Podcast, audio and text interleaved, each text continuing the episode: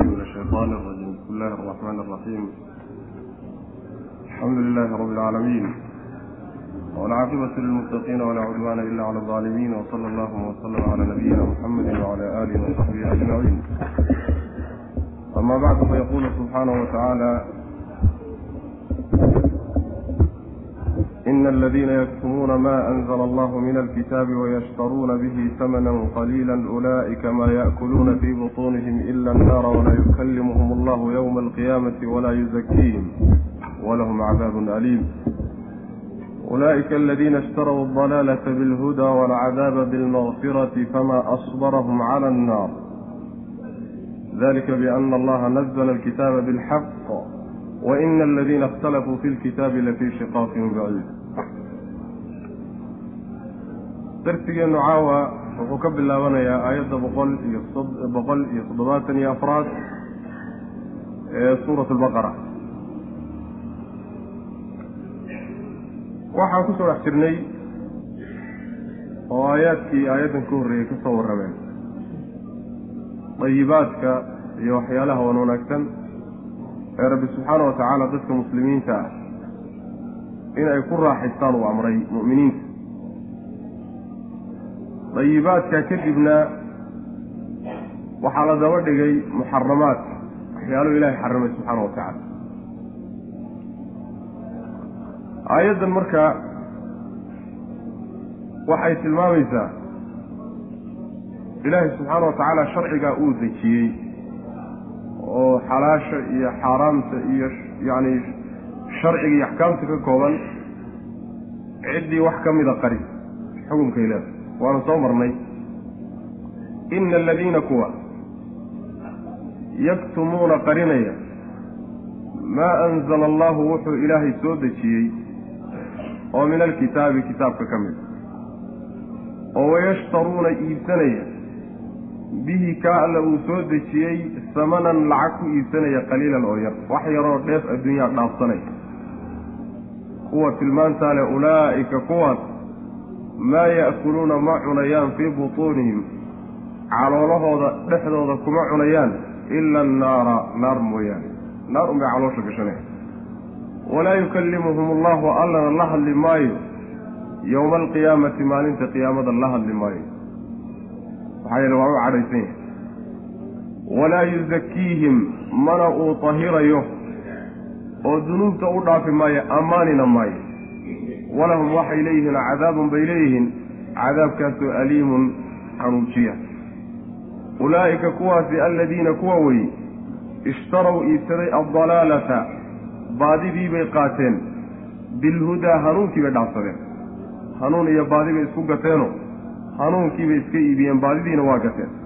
Waalcadaaba cadaab bay iibsadeenoo bilmakfirati dembi dhaaf ku gateen. Dembi dhaafkii rabbi subxaana wa tacaala intay naceen oo iska iibiyeen bay cadaabkiisa soo iibsadeen. Famaa asbarahum shay aada u cajab badan baa ku sabir badnaysiiyey cala annaari naarta dusheeda shayga ku dul sabrayaan u adkaysanayaani waa mid aada iyo aada u cajab badan wey daalika arrinkaasina in cadaabkaa la geliyo oo sidaa loo ciqaabaana sababkeedu waxa weeye bianna allaha alle inuu nazala soo dejiyey alkitaaba kitaabkii soo dejiyey bilxaqi xaq iyo run iyo inuu xujo ku soo dejiyey. Ayaguna kitaabkii alla uu soo dejiyey maqsuudkiisu ahaa inay macnaha waxa weeyaan dadka la gaadhsiiye ka hor yimaadeen. Wa ina aladiina kuwa ikhtalafuu iskhilaafay. Fi lkitaabi kitaabka dhexdiisa isku khilaafayna. La fii shiqaaqin. Dhinac mar bay ku sugan yihiin baciidin oo aada xaqa uga qolyahan ina aladiina yaktumuuna maa anzala allahu min alkitaab waxaa la leeyahay waa yahuud sidaas culimmada qeyb ka mid a odhanaya maxaa yeelay iyagoo ogaa tilmaamaha nebi maxamed salawaatu ullahi wasalaamu calayh. Iyo kitaabka ilaahi subxaana wa tacaala uu ku soo dejiyey. Iyo si yaqiina iyagoo u ogsaynu soo marnayba ayay haddana qariyeen. Waxay u qariyeen waxay ahayd waxoogaa ri'aasada iyo madaxnimada diiniga ah inaysan ka lumin. Xoogaaga dheeftay ku qaataan intaas oo ama carab ay kaga qaataan ama iyagoo dhexdooda iska qaataan ayadana inaysan ka fakanin. Taasaa waxay ku bixisay ri'aaso iyo madaxtooye ilaashigeed yaa waxay ku bixisay xaqay ogaayeen inay qariyaan in badan baan soo tilmaannay marka aayaddu sabab nuzuul hadday leedahay. Sababkay ku soo degtay keliyata macnaheedu kuma gaabna. Qolyahay ku soo degtay uun ujeeddadu ma aha. In alle intaa soo geli karta ayaa macnaha waxa weeyaan xukunkeedu uu qaadanaya oo lafdigeeda macnaha soo gudagelaya ciddii markaa qariso ilaahay xaqu soo dejiyey subxaana wa tacaala markuu gartay kadib kuwaasi ilaahay subxaana wa tacaala wuxuu ku tilmaamayaa oo wax kale dhaafsada. Dheef adduunyo adduunya waxay tahay oo dhan waa yar saynu hadda ka horba ka soo sheegnay xasanu lbasri raximahu llahu tacaala adduunyadu macnaha kulligeed haddii laysku wada daro bixadaafiiriha waa saman qaliil awe macnaha waxa weeye ama adigu kursi ilaashigii iyo madaxtooye ilaashigii dhaafso oo diinta ilaahi subxaana wa tacaala u qari iyada darteed. Ama waxaadba u qarisaa waxoogaa dheef adduunyaoo kaleo ku soo geli. Ama waxaad u qarisaa sumcad ilaashigeed iyo weji ilaashigii waxaad doontaba u qariya waa saman qaliila wey ruuxii dhaafsadaay dadka iyagaa rabbi wuxuu leeyahy subxaana wa tacaala naartii bay calooshooda ku cunayaan waxaa laga wadaa. Laba macno waa suurtagal. In laga wado sababkii naarta geyn lahaa ayay caloosha gashanayaan ma ujeeda oo macnaha waxa weeyaan musababkii baa la cabiray waalmuraadu bihi sabab. Maxaa yeelay sababta naarta gelinaysa waxay tahay cuntadan xaaraamta ah ee ay macnaha caloosha gashaneen. Waxoogaaga dheefka adduunyaa ay diinta ilaahay qarinteeda dhaafsadeen oo caloosha ay gelinayaan baa berri sabab ugu noqon doonta inay naarta galaan. Sidaasi waa macno in badanoo mufasiriinta ka mid ahna macnaha maray. Qolyo kale waxay leeyihiin maya ee naartii baaba calooshooda gelaysaba shaygan ay cunayaan laftiisa ayaaba naar ku noqonay. Waxaa la macnaha aayadda ina aladiina ya'kuluuna amwaala alyataama dulman inamaa ya'kuluuna fii butuunihim naara wasayaslawna saxiira fii suurati waxay noogu imaan doontaa insha allah tacaala annisaa kuwa xoolaha agoonta cunaya naar bay calooshooda ku cunayaan bu rabbi subxaana wa tacaala uu leey iyo axaadiista nabiga sal lla lay slam axaadiis la mid ah aladi yashrabu fi yashrabu fii aaniyati adahabi waalfida inamaa yujarjiru fii batnihi naara jahannama ma asbaabtii naarta geenaysa baa laga wadaa mise iyada lafteedaaba cadaab iyo naar ku noqon doonta ilaahay subxaana wa tacaala qolyaha la hadli maayo maalinta qiyaamada maxayla rabbi waa u cadhaysan yahay subxaana wa tacaala maadaama cilmigii iyo macrifadii ay qariyeen oo ay ku bedesheen shay kale markay ogaadeen kadibna arrinka ay sameeyeen rabbi waa u cadhooday mana dahirayo oo dunuubtooda rabbi dhaafi maayo. Ammaan wanaagsanna ilaahay agtiisa kala kulmi maayaan. Taskiyada waxaa la yidhahda bimacna sanaa ljamiil waa la yidhahda ammaanta wanaagsan waa la yidhahda taskiyada bimacna tathiirna waa la yidhahda shayga in la nadiifiyo la tahiro marka dunuubtoodana la dhaafi maayo ammaanna ilaahay agt agtiisa uma taallo.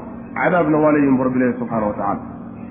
Kuwaasi waa kuwa baadida gatay oo dhaafsaday hanuunka dhaafsaday baadiday gateeni waxa weeye waa dheeftii adduunyada ugu sabab noqotay inay diinta ilaahay ka baadiyoobaan hanuunka ay isdhaafiyeenna oo ay macnaha tuureenna waa diinta ilaahay subxaana wa tacaala ay qariyeen wey. Xujajkii rabbi uu soo dejiyey ay qariyeen wey.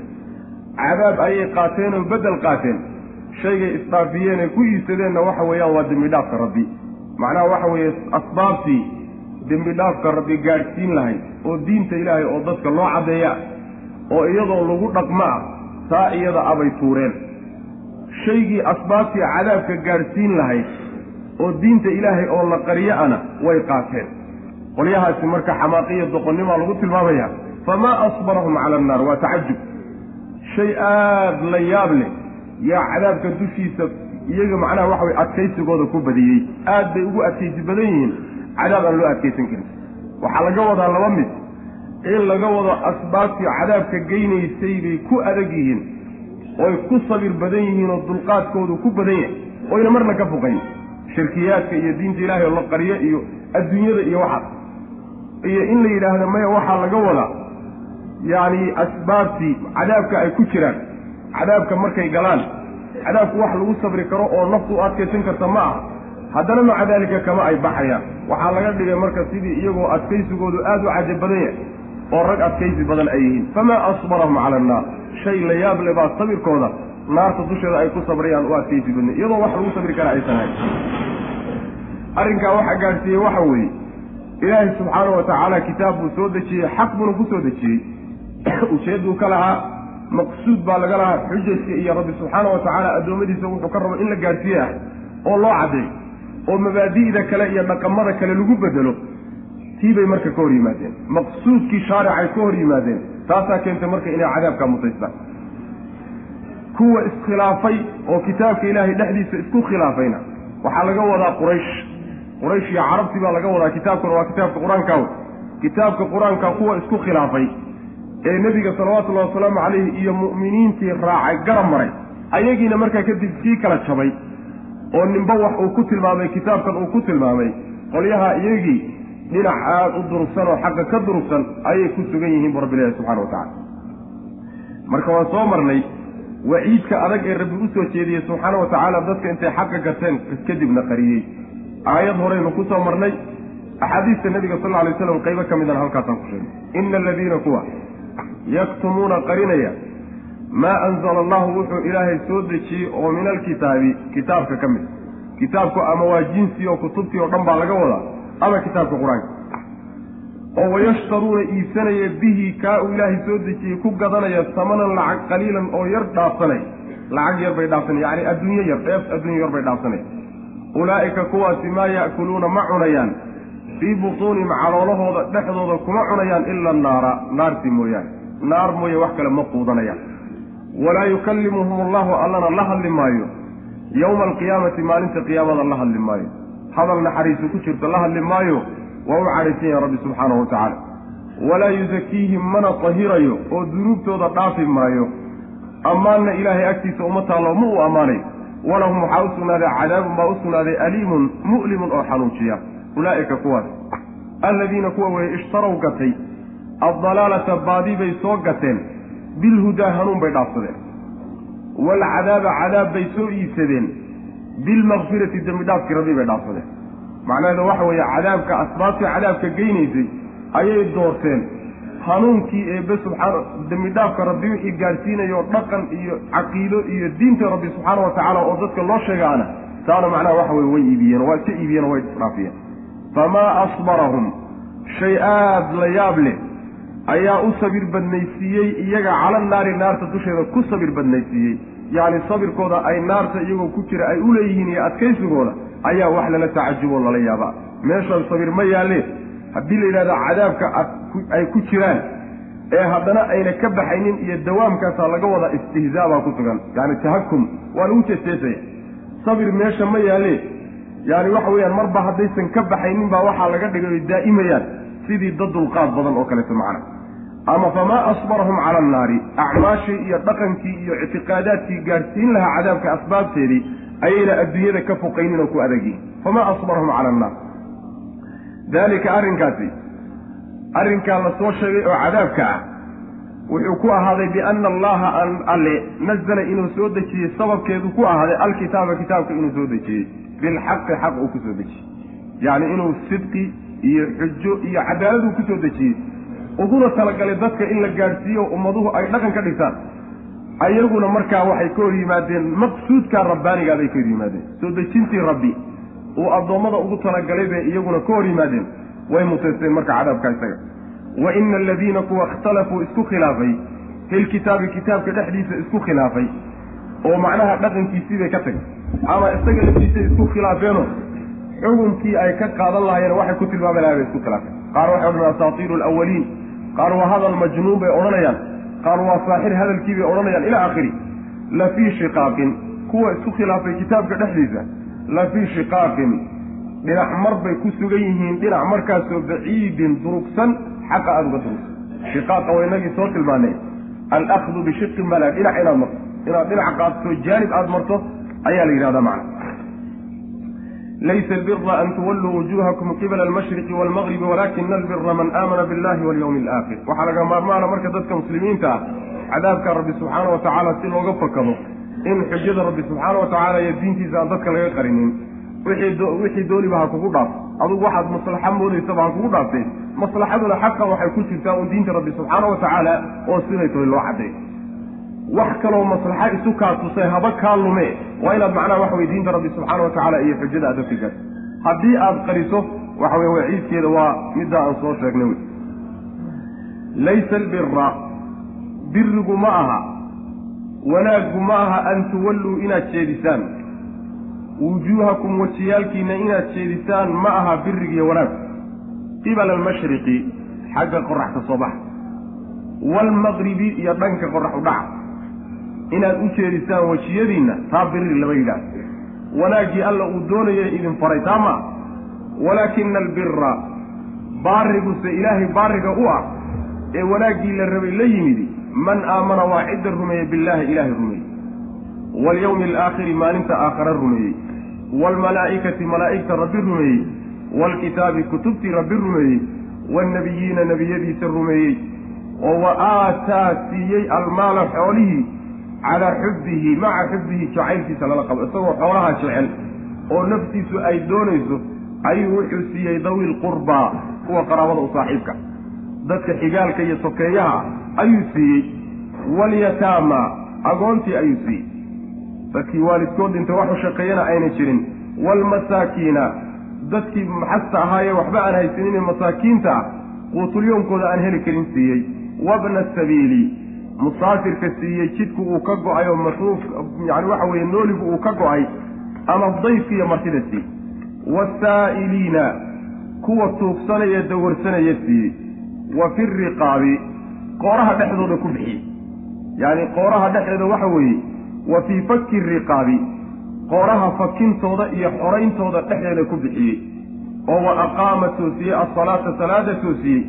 Oo wa aataa bixiyey azakaata zakada bixiyey waalmuufuuna weye baariyiintu waxa weeyaan waa mu'miniinta intaa rumaysay intaana samaysay iyo walmuufuuna kuwa oofiyey weeye bicahdihim ballankooda oofiyey idaa caahaduu markay ballamaan markay ballan galaanna heshiis ay galaanna heshiiskii ballantooda ka soo baxayo. Waasaabiriina wa amdaxu waan ammaani buu rabbi leeyahay. Alsaabiriina kuwa sabraya fi lba'saa'i faqriga iyo cidhiidhiga nolosha ku sabray. Waadaraa'i dhibka cudurka iyo macnaha jidhka dhibaatada soo gaadhaysana ku sabraya wa xiina alba'si dagaalka wakhtigiisana sabraya ulaa'ika kuwaas tilmaamahaa la soo sheegay leh alladiina kuwa weeye sadaquu run sheegay oo iimaanka ay sheeganayaani uu dhab yahay. Wa ulaa'ika kuwaasi hum iyaga keligood baa almuttaquuna kuwa ilaahay ka cabsada subxaana wa tacala aayaddani waa aayad aada iyo aada u cajiib badan weye qawaaciddu waa weyn oo diinta usuusheeda ka midana way yacni waxa weye way sheegtay. Waxaa lagu sheegaa inay ka mid tahay qur'aanka aayadihiisa qaybaha ugu macnaha jaamicsan oo usuul fara badan iyo qawaacid fara badan rabbi subxaanahu wa tacaala uu dhexdeeda ku sheegay. Aayadda marka laba sababu nuzuul baa loo sheegaa. Sabab waxa weeye nimankii ahlulkitaabka ahaa yahuud iyo nasaarada ahaa ilaahay subxaana wa tacaala markuu nebi maxamed qiblada u bedelay sidaynu soo marnayba oo kacbada loogu wareejiyey baytulmaqdisna laga wareejiyey ayaa warkoodii iyo doodoodii baa badatay. Aayaddanu marka alla soo dejiyey subxaana wa tacaala oo lagu leeyahay biriga iyo samafalka iyo wanaaggu sidiisaba ilaahay subxaana wa tacaala uu idinka doonaya ma ahu in yacni waxa weeyaan lagu dhego hal jiho hal dhinac oo jihooyinka ilaahay uu leeyahay ka mida in lagu dhego ma ah birigu kaas ma ah inaad hal dhinac uun iska qabsatood macanga ku noqoto sidaasi biriga ma laakiin birigu waxa weeyaan ilaahay amarkiisa oo la qaato usuushan oo laga soo baxo ilaahay subxaana wa tacaala uu sheegay baa biriga loola jeedaa. Saasaa lagu yidhi. Taasi waa mid. Sabab kaleetana waa la sheegaayo waxa weeye nin baa nebiga u yimi sal alla alay wasalam markaasaa wuxuu weydiiyey nebiga ilaahay waxaad iga warrantaa iga warrantaa buu yihi akhbirnii can aliimaan bu iimaanka iga warran. Iimaani muxuu yahay inaan mu'min noqdaan doonaya oon iimaanka taxqiijiya iimaan maxaa la yidhahda markaasuu nebigu aayaddan akhriyay laysa albira an tuwalluu wujuhakum qibala almashriqi waalmagribi walaakina albira man aamana billah. Intan ruuxii la yimaada ayaa mu'mina markaa wey macne xadiidka isaga waa xadiid munqatica wey waa daciif weye ibnu abi xaatim ibnu jariir baa warinay aayadda marka ilaahi subxaana wa tacaala wuxuu ku sheegay biriga iyo wanaagga uu doonayahay inuusan ahayn hal dhinac oo un laysaga jeedsado xagga ama qorax ka soo baxa noqoto ama qorax dhaca noqoto. Halkaa unbaan anigu iskaga dheganaanaya oo weligay ka foqi maayo si kasta hadduu ilaahay waxyi kale iyo rasuul kale iigu soo diro halkaa unbaan haysanayaa birigu ma aha. Birigu dhinacun in laysaga jeedsada ma aha laakiin birigu waxa weeye rabbi oo subxaana wa tacaala la rumeeyo. Maalinta aakharo oo la rumeeyo. Malaa'igta ilaahay oo la rumeeyo. Kutubta oo la rumeeyo intan la sheegay oo lala yimaado biriga ilaahay uu doonayo inaad la timaadaan siduu idinka rabiyo wanaaggu kaasi. Laakiin wanaaggu hal jiha inaad ku qallabtaan ood ku dhagtaan yuhuud iyo nasaaro sidoo kale ma aha macnaha wey yaani waxa weeyaan daacada iyo wanaaggiiyo alla u dhowaanshuhu mar walba wuxuu la socdaa amarkiisa. Meeshii uu kolba ku isagu ku taliyo uu amro taa unbaa daacada ah. Birigu waa midkaas hadduu kolba jiha kuu jeediyo jihada dambaysay ee uu kuu diray buu birigu ku jira kii hore marka inaad ku qallabtaan ma aha. Sidaasaa marka la leeyahy jiha ujeedsiguna sideedaba oo dhinaca loo jeedsadaay wuxuu dhaaco ku noqday ilaahay baa amray.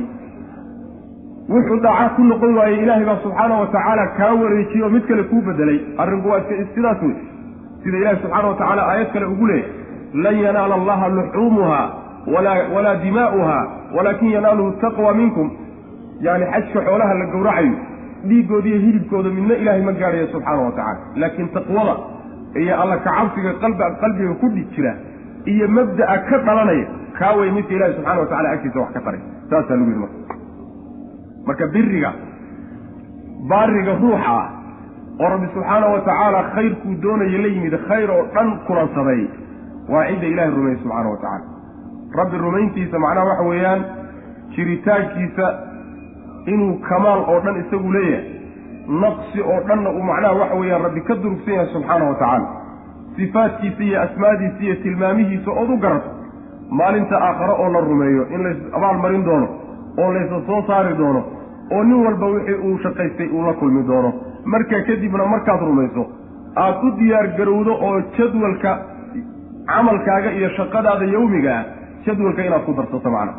Malaa'igta rabbi la rumeeyo malaa'igtu waxa weeye waa khalqi ilaahi subxaana wa tacaala khalqigiisa ka mid ah oo nuur laga abuuray wey jiritaankooda inaad rumayso magacyahooda kuwa laynoo sheegayna inaad magacyahooda rumayso kuwa shaqada ay qabtaan la sheegayna inaad rumayso inta aan laynoo sheeginna inay jiraan oo macnaha waxa weeyaan yacni ilaahay subxaana wa tacaala ayna caasimintaa inaad rumayso.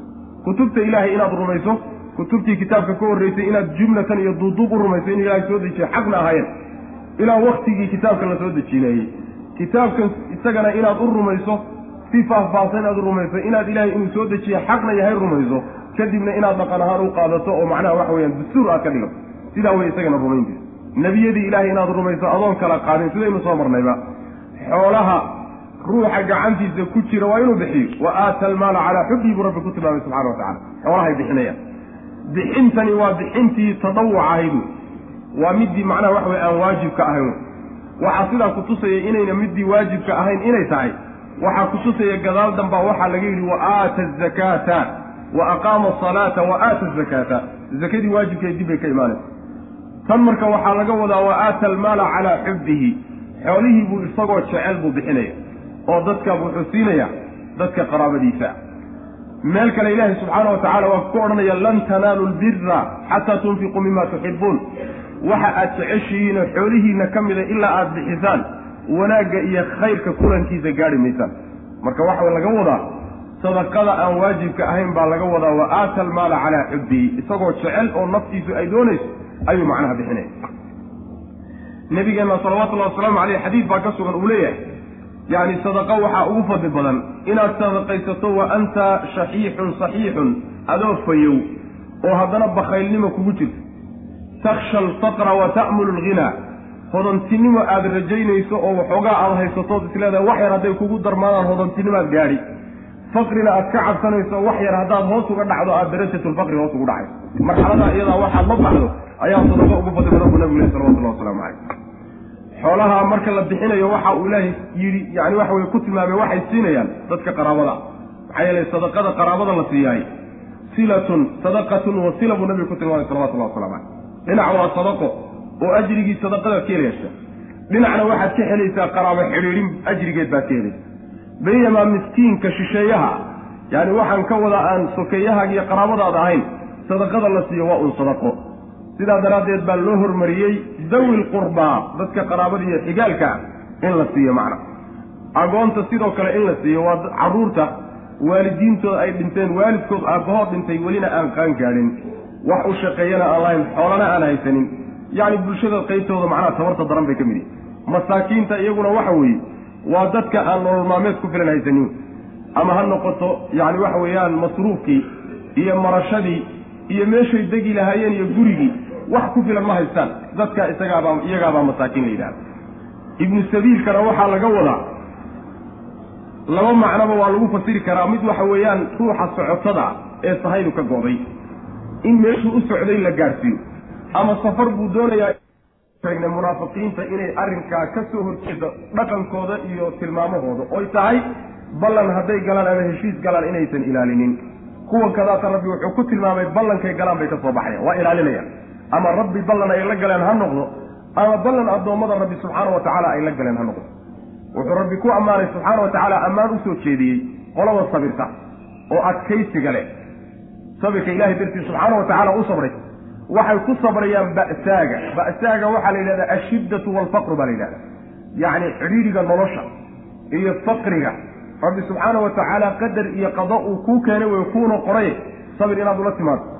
Oo argagax uusan kaa muuqanin iyo inaad isdisho iyo inaad macnaha waalato daraagana waxaa loola jeedaa iyadana waa mushkilada iyo dhibka jidhka haystow cudur baa lagugu mashaqeeyey masalan curyaanimaa lagugu mashaqeeyey masalan ma ujeeda naafaad noqotay masalan yani waxa weye daraagaasa iyadana soo gelay. Jidhka macnaha dhib ka saara wey. Ba'saaguna wuxuu noqonayaa nolosha macnaha dhibka kaa haysto ayuu ba'saaguna noqonaya macna. Intaba way ku sabrayaan. Waxaa kaley ku sabrayaan bu rabbilahi subxaana wa tacala oo ay adkaysi u leeyihiin dagaal. Wa xiina alba'si waktiga dagaal yimaado. Ba'saaga in macnaha dagaal laga wado mufasiriinta u badan. Waxaana fasiraya qawluhu tacaala qad yaclamu allahu almucawiqiina minkum waalqaa'iliina liikhwaanihim halumma ilayna walaa ya'tuuna alba'sa ila qaliila walaa ya'tuuna alba'sa ila macnaha dagaalkaa laga wada marka waktiga dagaal iyagiyo gaaladu ay iskaga hor yimaadaanna niman carara ma aha. Kuwa iyagaabu rabbi ammaanaya subxaana wa tacala intaa marka lagu soo tilmaamay ayaa ilaahay subxaana wa tacaala wuxuu uga markhaati kacay inay dadkaasi dad iimaanka ay sheeganayaan run ku sheegay oo daacada inay yihiin. Iimaankoodu marnaba beeni kuma jirto dadka muttaqiintaee alle ka cabsaday ee maxaarimtiisana iska ilaaliyay daacadii rabbina la yimidna ayaga weeyaan buu rabbi yihi subxaana wa tacala marka u fiirso ayaddu waxay kulansatay mabaadi ulcaqiida way kulansatay arkaanu liimaan meeshay ku sheegtay. Waxaa kaloo aayaddu kulansatay dhaqaalaha iyo axkaamtiisa qayb ka mid iyo sidii loo maamuli lahaana qaybbay ka hadashay. Waxaa kaloo ka hashay ka hadashay arkaanulislaamna way ka hadashay oo salaadii iyo zakadiia mucaamaladii dadka dhex maraysayna way ka hadashay. Dagaalkana way ka hadashay.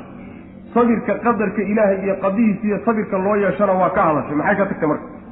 Intaa dadka ku tilmaaman yaa iimaankoodu dhab yahay. Iimaanka waxaa la diidaya marka sheegadkaa aliimaanu maa waqara fi lqalbi wasadaqahu alcamal. Waa wixii qalbiga ku sugnaada. Dhaqanno markaa kadib uga markhaati kaco oo nolosha markaa kadib ka muuqdaa la yidhahdaa iimaan la yidhahdaa waa inay ka muuqato jawaarixdaada iyo xubnahaada. Gurigaaga waa inuu ka muuqdo naftaada ka muuqdo bulshadaada macnaha wax way aad dhadhex joogto taasaa iimaanka la yidhahda macna. Laakiin iimaanka qalbiga uun ku urursan khayr wax la yidhaahdo iyo midhihiisiina aan la arkaynin banaanka lagu arkaynin iimaan sheegada wey macnaha midkaas. Dadkanuu ilaahay subxaana wa tacaala ku tilmaamayaa inay yihiin dadka mu'miniinta. Laysa albira wanaag ma aha an tuwalluu inaad jeedisaan yacni biradu waa waa khabarkii laysadow an tuwalluu antaa iyo ficilkaasoo master laga ugaadhsanayo o laga dhalaalinayana wuxuu noqonayaa ismigii laysa. Laysa albira wanaagga kulankiisa ma aha wanaaggu ma aha. An tuwalluu inaad jeedisaan wujuuhakum wajiyaalkiinna qibala almashriqi xagga qorax ka soo bax waalmaqribi xagga u dhacda yacni bari iyo galbeed inaad u jeedisaan biriga iyo wanaaggii laydinka rabay ma ah laydinmaad dirin. Waxa uu leeyahay qataada iyo ibnucaaliya waxay leeyihiin xagga qorax ka soo baxayo waxaa u jeedsada nasaarada. Xagga qorax u dhacana markaa waxaa muslimiinta madiine markay joogaan waxaa ka xiga. Qibladii yahuudda ka xiga oo macnaha waxa way baytlmaqdis labadaa qolaa marka loola jeeda walaakina albira baarigu laakin walaakina albira walaakina albaara midka baarigu waxa weeye man aamana billahi cidda alla rumaysay walyawmi alaakhiri iyo maalinta aakharo birigaas in taqdiir la soo qadaraa waa laga maarmaan. Maxaa yeele hadalku isku toosi maayo haddaadan taqdiir meesha gelinin haddaadan waxuun meesha soo gelin. Maxaa yeele waxaa ka dhalanaysa haddaadan wax soo qadarin. Ismu daat waxaa la yidhahdaa ama ismulcaynka oo ismulmacnaa lagaga khabray mana banaana macnuhu ma toosaya macna. Macnaha haddii aad tidhaahdo birigu waa cidda ilaahay rumaysa cidda ilaahay rumaysa biri ma noqon karto. Waa inaad marka tidhaahdo walaakina albira waa masdar ismi faacil loola jeedo wuxuu noqonayaa walaakina albira walaakina albaara ruuxa baarigii man aamana billahi walyawmi alaakhiri cidda ilahay iyo maalinta aakhira rumaysay taqdiiraad kalena waa jiraan laakiin kaasaynu iska marayna walaakina albira yani waxa weeyaan masaadirta in iyadoo ismi faacil loola jeedo inay soo aroortahay luqada carabigana waa ku timi qur'aankana waa ku timi. Qul ara'aytum in asbaxa maaukum gawra ilahi baa odhanaya subxana wa tacala gawran bimacnaa waxaa laga wadaa haa'iran waa masdar ismi faacil laga wado. Hadduu mid dhulka galay ay biyuhinu noqdaan bal ka warramaya idiin keeni kara maana walaakina albira midka baariga ah ee khayrkii la rabay la yimidi man aamana waa cidda rumeeyey billaahi ilaahay rumeeyey walyawmi alaakhiri iyo maalinta aakhira rumeeyey. Waalmalaa'ikati malaa'igtii rabbi rumeeyey waalkitaabi kitaabka rumeeyey. Kutubtii ilaahay soo dejiyey jinsi baa laga wada kutubtii la soo dejiyey o dhan buu rumeeyey. Waannebiyiina nebiyadii buu rumeeyey oo wa aataa bixiya almaala xoolihii calaa xubbihi maca xubbihi isagoo jecel. Isagoo jecel xoolaha ayuu bixinaya. Wayucimuuna acaama calaa xubbihi miskiinan wayatiiman wa asiira saasuu ilahi subxana wa tacala le xoolaha la jecel yahay waa xoolaha waxtarkaa laakiin waxay inoo imaan doontaa xoolo adiga laftaaduba lafahaada aadan u quudheen oo haddii lagu siin lahaa aad ka xanaaqi lahayd ha bixinina ilaahi subxaana wa tacaala inuu odhan doono macna suuradda dhexeeda insha allahu tacala inoogu imaan doontaa shayga qaaligaa inuu fiican yahay in la huro oo la bixiyo macna ilaahi subxaana wa tacaala tilmaan tan ka cajab badan wuxuu ku tilmaamay dadka mu'miniinta ah. Wa yu'tiruuna calaa anfusihim walow kaana bihim khasaasa baa ka sii xeldheer ayadoo gaajo daran ay u hayso oo iyagiiba u baahan ayay bixinayaan buu ilaahay ku sifeeyey nimankii ansaarta ahaa. Ee nabigeena salawatullahi wasalaamu caleyh soo dhowey waa xaalad marka ka xeldheeru xoolaha nin walba xoolaha waa jeceli. Laakiin xoolaha markay naftaadu u baahan tahay yani waxa weye markaa bixinteeda ayay ka xeel dheer tahay adoo u yani jecel laakiin aan u baahnayn bixinteedu macnaha markaa horay macnaha ka khayr badanta wa aataa bixiye almaala xoolihii bixiye calaa xubbihi maca xubbihi jacaylkiisa isagoo xoolaha jecel buu wuxuu siiyey dawi lqurbaa dadka qaraabada u saaxiibka ah dadka xigaalka ah walya xigaalkiisa iyo sokeeyihiisa wey. Yani nin walba maanta dadka sokeeyihiisa hadduu wax tari lahaa oo waxhaystaaye baahi fara badan baa fududaan lahay. Baahi fara badan baa fududaan lahay saas daraaddeed ayaa rabbi subxaana wa tacaala u dardaarmayaa in macnaha waxa weye xigaalka wax la siiyo.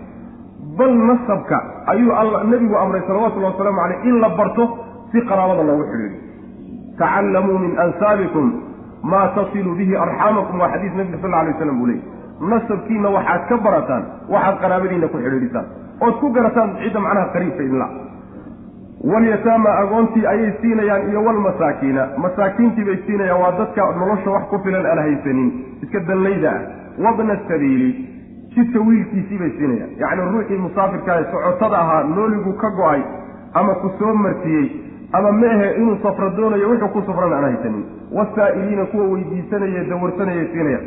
Wa fi riqaabi wa fii faki riqaabi bay ku bixinayaan qooraha fakintooda yacni addoommada xorayntooday ku bixinayaan wa aqaama asalaata salaada oogay oo wa aataa bixiyey azakaata zakadana bixiyey ku waajibka ahayd qolyaha way qolada mu'miniinta ee baariyiinta wey waalmuufuuna waxay ku cadfan tahay walaakina albira baarigu man aamana waa cidda rumaysay billahi ilahay rumaysay iyo walmuufuuna kuwa oofiye bicahdihim ballankooda idaa caahaduu markay ballansamaan. Halkaasay ku xidhan tahay macana waalmuufuuna way baariyiintu kuwa oofiye bicahdihim ballankooday oofiyeenay ka soo baxeen idaa caahaduu markay ballamaan ballanta ayay ilaaliyaan yaa ayuha aladiina aamanuu awfuu bilcuquud ayaa inoo maan doonta marba haddaad heshiis gasho oo dad wax la guntato waa inaad guntintaa iyadaa ilaaliso xataa dadka aad heshiiska la gashay gaalaba ha aada gaalada xataa ballanka in looga baxo lama ogola iskaba dhaaf macnaha dadka muslimiinta wasaabiriina wa amdaxuu saabiriintaasi waxay ku nasbisan tahay cala almadxi wa amdaxu waan ammaani alsaabiriina kuwa sabre ee adkaysta ayaan ammaanayaa fi lba'saa'i faqriga iyo nolosha adag dhexdeeda ku sabra. Waadaraa'i iyo dhibka jidhkooda haysta kuwa ku sabraya dhexdiisa. Wa xiina alba'si wakhtiga dagaalkana sabraya. Ulaa'ika kuwaasi alladiina kuwa weye sadaquu run sheegay oo iimaanka ay sheeganayaani uu run iyo dhab yahay. Maxaa yeele waxaa daliilkuga iimaankoodu inuu dhab yahay burhaantiisa iyo daliilkoodu waa dhaqankooda wey. Dhaqanka ay la yimaadeen iyo muctaqadaadka waaweyn iyo ususka ay macnaha taxqiijiyeen wa ulaa'ika kuwaasi hum iyaga keligood ayaa almuttaquuna kuwa maxaarimta ilaahay iska ilaaliyey oo ka dhowrsaday daacada ilaahayna ku dhowrsaday waa kuwaasu rabbi leeyahy subxana wa tacala haddaad doonayso marka inaad ogaato ma mu'min baa tahay mise iimaankaad sheeganayso waa been oo munaafiq baa tahay mise waxa weeyaan gaal baaba tahayba haddaad doonayso inaad is ogaato waa inaad miisaanka isataa miisaanka sharciga waa inaad isataa mid mid intaad u soo qaadato bal isku miisaan. Adoo naftaada macnaha daacad u ah oon iskhayaamaynin naftaada miisaankaa mid walba markaad isdul saarto haddaad iska hesho alxamdulilah haddaad iska weydana waxa weeye dib u soo noqo. Yani waxa wey isgaro.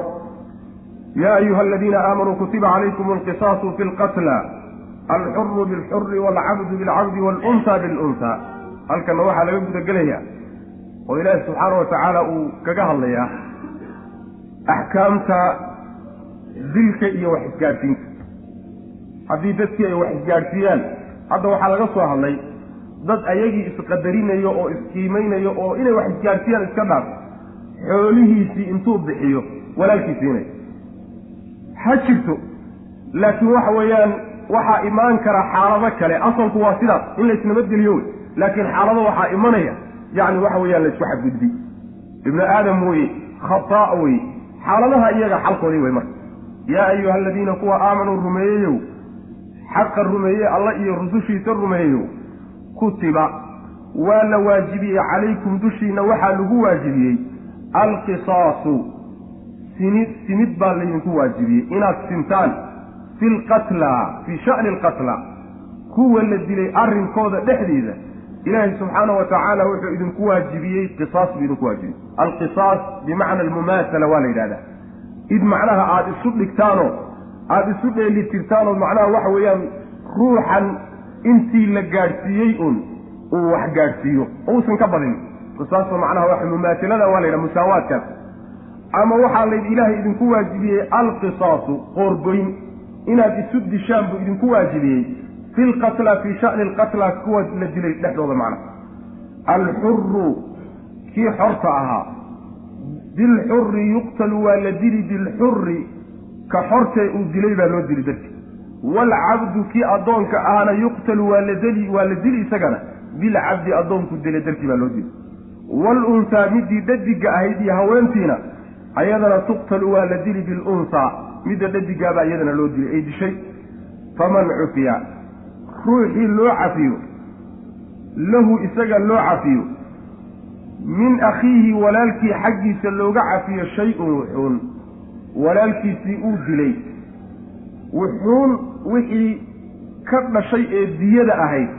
Wax ka mid a haddii loo cafiyo oo loo dhaafo faatibaacun facala almajniyi calayhi ama facala taalibi midka raadinaya dhiigga doonaya ama diyada doonaya waxaa dusha ka saaran itibaacun raacasho bilmacruufi si wanaagsan uu wixiisi u doonto wixii lagu laga qabay inuu si wanaagsan walaalkii uga raadsado ayaa dusha ka saaran oo laga doonaya wa adaa-un wa cala aljaani midka gacanku dhiiglaha ama dembiga galayna isaga dushiisa waxaa adaa-un gudasho. Ilayhi kaas wax kuleh ee daalibka ugu guto biixsaanin si wanaagsan isaguna ugu guto kii isagana wax loo dhaafayna maadaama wax laga cafiyey waa inuu walaalkiisii wax ka cafiyey ee ruuxa wax la gaadhsiiyey weligiisii ama ruuxii oo noolba ah waa inuu isagana macnaha waxa weye si wanaagsan oon meermeerinin ku jirin wixii lagu lahaa waa inuu ugu guto daalika arrinkaas. Oo ah macnaha waxa weeyaan cafiga inuu cafi idiin bannaan yahay oo qisaastii aad ka cafin kartaan ah takhfiifun waa fududayn oo min rabbikum xagga rabbiginka ahaad waraxmatun naxariis wey faman ictadaa ciddii xadgudubta bacda daalika intaa kadib. Markuu wax cafiyey oo diyo qaatay kadib ruuxii xadgudbo oo ku xadgudba ruuxii diyada uu ka qaato markaa kadib dila. Falahu waxaa u sugnaaday cadaabun baa u sugnaaday aliimun oo xanuujiyo rabbilahi subxana wa tacala aayaddu macnaha waxay ka hadlaysaa qisaastay ka hadlaysaa. Qisaastu waa dadka wax isgaadhsiiya oo loo kala gudo wey haddii uu wax dilo in la keeno oo loo dilo. Haddii uu macnaha waxa weeyaan jaraaxo gaadhsiiyo ama dhaawac gaadhsiiyo in la soo qabto uu ka goosto. Taasaa macnaha qisaasta la yidhahda ama dil ha gaadhsiisnaato ama ha ka sokayso oo xubin la gooyey iyo dakar laysku sameeyey iyo wax laysgaadhsiiye ha noqoto. Qisaas buu ilahay idinku waajibiyey bu rabbi leeyahy subxaana wa tacaala kuwa isdilay dhexdooda. Kuwa la dilay dhexdooda qisaas buu rabbi subxaana wa tacala idinku waajibiyey qisaastaas marka yaa la sii faahfaahiyey midka xortaa hadduu mid xora dilo waa loo dili. Midka addoonkaana hadduu addoon dilo waa loo dili. Haweenayduna hadday haweenay disho waa loo dili. Intaasaa la sidaa macnaheedu waxa weeye. Labadan ruuxee isdilay in ay macnaha waxa weeyaan ay isu dhigmaan. Oy isaga dhigmaan laba arrimood xagga diinta waa inay isaga dhigmaan oo ay muslimiin wada yihiin. Markaasaa la isu dili karaa. Hadduu kaafir jiro ruuxa muslimka ah kaafir musta'man ah ama zimmi ah oo ballan ku jooga waddanka muslimiinta hadduu dilo loo dili maayo. Sidaa xadiidka nabigaa ku sugan salawatullahi wasalaamu caleyh nebigu wuxuu leeyahy laa yuqtalu muslimun bikaafirin. Muslim gaal looma dilo. Xagga kaleeta ee sinaantaana waxa weeyaan midda kaleeta inay xagga xorriyadda ku siman yihiin oo labadooduba xor yihiin haddii uu addoon dilo ruux xora ayaa addoon dilay loo dili maayo. Sidaasi ayaa macnaha waxa weeyaan loo badan yahay. Aayadda marka alxuru bilxuri cumuumkeeda waxaa soo gelaya labada xortaa ama rag ha ahaadeen ama haween ha ahaadeen ama rag iyo haween isdile ha noqdeen marba hadday xor yihiin waa laysu qisaasaya sidaasay macnaha waxa weeyaan alxuru alxuru bilxuri daahirkeeda uu kutusaya waalcabdu bilcabdi waxay kutusaysaa iyadana daahirkeeda addoonka in addoon loo dilay. Mafhuum bay leedahay laga fahmayo oo waxaa laga fahmayaa addoonkii.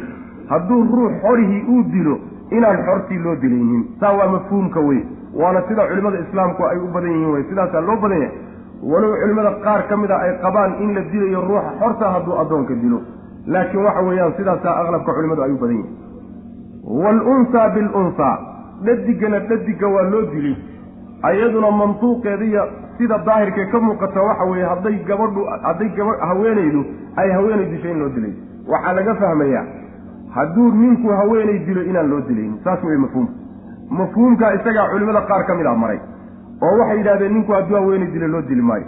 Waase laga xoog badan yahay oo waa laga rajaxan yahay horta culimmadu waxay u badan yihiin ninku hadduu haweenay dilo in loo dilay arrinkaana waxaa laga qaatay aayadiina omaan doonto insha allahu tacaala wa katabnaa calayhim fiiha ana annafsa binnafsi naf naf waa loo dili. maxaa yeelay waa mantuuq. naf baa naf loo dili. naftaa la dilayay ama haweeney ha ahaato ama rag ha ahaato waa caam wey iyo xadiidka nebiga sal alla alay wasalam ee uu lahaa yacni waxa weeyaan ruuxa muslimka ah dhiiggiisu ma banaana ilaa biixdaa salaat annafsu binafsi baa iyadana ku jira. iyadana waa caam wey waxaa kaloo kutusaya in la dilayo. nebiga salawaatu sida bukhaarigii ku yimid waxaa loo keenay nebiga salawatullahi waslaam nin yahuudi oo gabadh muslimada dilay oo intuu dhagax u qaatay madaxa kaga jajabiyey. Nebigu intuu soo qabtay baa loo qisaasay. Waa la dilay dhagaxii uu ku dilay baa lagu dilay.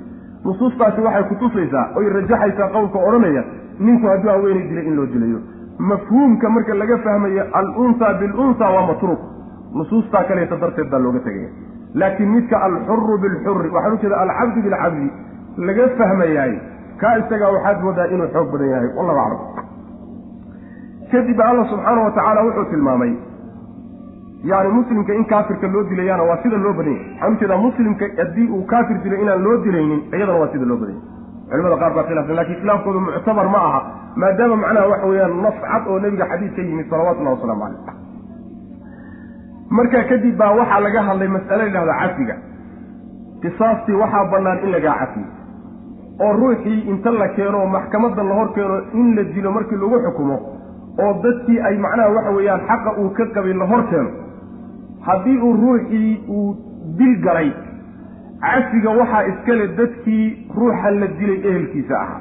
Ayaa cafiga iskale cafiga waxay samayn karaan sida raajixa dilka intay kaa cafiyaan bay diyo kaa qaadan karaan. Boqol neef oo geela. Taasi waa suurtagal. Waxaa kaloo suurtagala inay dilkii iyo diyadiiba kaa cafiyaan. Labadaba waa kaa cafin karaan. Sidaasina waa suurtagal faman cufiya lahu min akhiihi labadaasa marka soo gelay waa sida macnaha iyaduna inay xoog ba aadmood inay xoog badan tahay aadmood marka cafigaasi hadduu yimaado maadaama adigoo kawaanka saaran ma u jeedaa oo shilalka lagu saaray oo macnaha dhegta in dhiig lagu daro ay ahayd maadaama lagu cafiyey waxa ku saareen marka waxa weeyaan dadkii xaqa kugu lahaa xaqooda inaad iska guddo. Inaad iska guddo dadkaas aada xaqoodii u guddo weliba si wanaagsan oon meermeerini ku jirin. Sidii macnaha waxa weye lagugu lisay inaad ugu hambayso ma u jeedaa sidii wanaagga lagugu galay adiguna inaad wanaag u gasho. Saasaa lagaa doonaya. Qolyahanna iyagana waa loo dardaarmay. Wax laga galay. Ee macnaha waxa weeyaan dadkoodii lagu sameeye xumaanta lagu sameeye iyagana waxaa la yidhi si wanaagsan walaalkii wax uga doonto walaalkii weeye geb baa ka dhacay. Ma u jeedaa gebkuna waa dhici karaa sidaa daraaddeed walaaltinimadii islaamka kamuusa bixina cadow ha ka dhiganina waa walaalkiine si fiican isagana uga raadsada. Arrinkaa ilaahi subxaana wa tacaala wuxuu ku tilmaamay oo cafiga inaan iska cafin karno dilka ah arrinkaa fududayn wey maxaa yeele ummadihii hore mayna lahayn ama dil ama diyo labadaa unbay lahaayeen. Labadiibu ilaahi subxaana wa tacala inoo kulmiya haddii dil ama diyo labadaba macna kolba kii la doon. Arrinkaasi waa fududayn iyo naxariis rabbi subxaana wa tacaala idiin naxariistay. Kadib ruuxii markuu wax cafiyo kadib oo uu diyadii qaato ama uu diyadiina xataa iska cafiyo kadib haddii intay macnaha waxa weeyaan naftu ay qaadiyo shaydaan uu ruuxii uu cafiye diyada uu ka qaatay ama uu iskaba cafiyeyba uu dilaayay arrinkaasi waa xadgudub. Xadgudubkaa ruuxii sameeyana wuxuu leeyahay cadaab xanuunku buu rabbileeyahy subxana yuu leeyahay buu rabbileeyahy subxana wa tacala sidaasuu ku tilmaamay. Ruuxa marka dembiga dib ka galay oo ruuxii intuu diye ka qaatay dilka ugu daray culimmadu waxay leeyihiin isagana waxaa la keenayaa kawaankaa la soo isbaajinaya intii bannaanayd ee kan ku bannaanayd baa u bannaan qolyahaas inay ku sameyn inay dilaan inay iska cafiyaan oo diye ka qaataan inay iska intaba. Qolyo kalena waxay leeyihiin may dil mooyaane wax kale kuma bannaan. Yaani imaamka iyo maxkamaddu inay u ogolaato ma aha ninka noocaas oo kale ah in xataa diye laga qaato. Waa in kurka laga gooyay culimada qayb kamida odhanayaan. Aqwaal kalena masalada waa ku jirta. Yaa ayuha aladiina kuwa aamanuu rumeeyeyow kutiba waa la waajibiyey calaykum dushiina alqisaasu. Qisaastii baa laydinku waajibiyey. Aayadda wuxuu ley ibnu cabbaas waxaa laga wariyaa inuu leeya aayaddu waa mansuuqa oo waxaa nasakday aayadda odhanaysa annafsu binnafsi. Aayaddaasaa nasakday wa katabnaa calayhim fiiha ana annafsa binnafsi. Middaasaa nasakday buu ley laakiin sida wanaagsan waxa weeye in la yidhaahdo taksiis ma jire waxaan u jeedaa nasti ma jire meesha taksiis baa ku jira.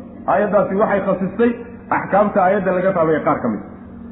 Kutiba waxaa la waajibiyey mu'miniintiiyow calaykum dushiina alqisaasu isu dil inaad isu dishaan ayaa laydinku waajibiyey fi lqatla fii amri alqatla kuwa la dilay arrinkooda dhexdiisa inaad isu qisaastaano si siman aada isugu dishaan. Alxuru midka xorta ah yuqtalu waa la dili bilxuri baa loo dilayaa ama rag ha noqdo ama haween ha noqde. Waalcabdu addoonkiina bilcabdi addoonkii uu dilay baa loo dili. Waalunsaa tii dhadiga ahaydna bilunsaa dhadigay dishay baa loo dili faman cufiya ruuxii la cafiyo faman qaatilkii cufiya la cafiyo lahu isaga loo cafiyo min akhiihi walaalkii xaggiisa looga cafiyo shay-un xun looga cafiyo. Wuxuu amayrada ma badnaado dilkii baa laga baajiyey markaasaa diye laga qaatay waa cafi ma dilkiina waa laga cafiyey diyadiina waa laga cafiyey. Ninkii walaalkii shay ka mida laga cafiyo faatibaacun fa cala taalibi ka wax raadinaye dhiigga laga galay waxaa dusha ka saaran oo arrinkiisu yahay oo laga rabaa itibaacun raacasho bilmacruufi si wanaagsan walaalkii uu wax uga doonto oo uu dabagalo macnaha. Wa adaa-un wa cala aljaali midka dembiga galay ee dekanaha galay ee dhiigga galayna waxaa isagana laga doonayaa oo dusha ka saaran adaa-un gudasho ilayhi kaa uu xumaanta ka galay ama ehelkiisa uu u guto biixsaanin si wanaagsan inuu ku guto. Saasaa laga doonaya. Daalika arrinkaasi oo macnaha waxa weeye takfiifka arrinkaa isaga oo cafiga takfiifun fududayn weeye oo min rabbikum xagga rabbigin ka ahaatay iyo waraxmatu naxariis. Faman ictadaa ciddii xadgudubta bacda dalika intaa kadib falahu waxaa u sugnaaday oo dilo ruuxii ku xadgudba ruuxuu ka qaatay diyada ka qaatay ama cafiyey falahu waxaa u sugnaaday cadaabun baa u sugnaaday aliimun oo xanuujiyu rabbi leeyahay subxaana wa tacala walakum fi lqisaasi xayaatun yaa uli lalbaabi lacallakum tattaquuna. Walakum waxaa idin sugnaaday ood leedihiin fi lqisaasi isu dilka. Dadka si siman laysugu dilaayey dhexdiisa waxaad ku leedihiin xayaatun nolol baad ku leedihiin. Yaa uli lalbaabi kuwii caqliga lahaayow lacallakum tattaquuna. Si aad isaga ilaalisaan dilka aada isaga ilaalisaan ama si aad rabbigiin uga cabsataan oo dilka ka cararkiisa aada rabbi kaga cabsataan subxaana wa tacala aayaddu waxay tilmaamaysaa xikmadda loo jideeyey iyo maslaxada ku jira dilka. Maadaama ayd nafi tagtay oo naf la dilay maxaa tan kale looga dabageynaya maxaa ta kale looga dabageynaya naftaa dambe ee la dilayo waxaa lagu baajinayaa nufuus fara badan oo kawaanka saaran. Nufuus fara badan oo lagu soo socdo ayaa lagu baajinaya sidaa daraaddeed nafta aad disheen nolol baa idinku sugan buu rabbi leeyahy subxaana wa tacala maxaa yeelay ruux hadduu og yahay hadduu wax dilo in la dilayo uusan fakanaynin ku dhiiran maayo kuna degdegi maayo xanaaq baa iqaaday iyo yaani waxa weeyaan waxbaa iga tambatay iyo shaydaan baa igu xambaaray iyo sheekadaasoo dhan way dhammaan. Caqligaa taxakumi markaas maxaa yeelay ibni aadamku waa indha ku garaadlo wey haddii la yidhahdo markaa dishaba waa lagu soo qaban cid wax dilaysa ma jirto ama dilku waa yaraan noloshii iyo nabadgelyadii baa markay imaan. Nolol bay marka noqonaysaa oo nufuus fara badan. Bulshadii oo dhan baa macnaha nolol wanaagsan ku helay saasuu rabbi leeyahy subxaana wa tacaala haddiise dilka aad ka tagtaan oo tidhaahdaan waa waxshiya sida macnaha waxa wey reer galbeedku hadda rumaysan yihiin oo kale. Yacni naf la dilayaay oo naf loo dilayaay waa waxshiya. Waxay noqonaysaa natiijadu marka cadamulxayaa nolol la'aan.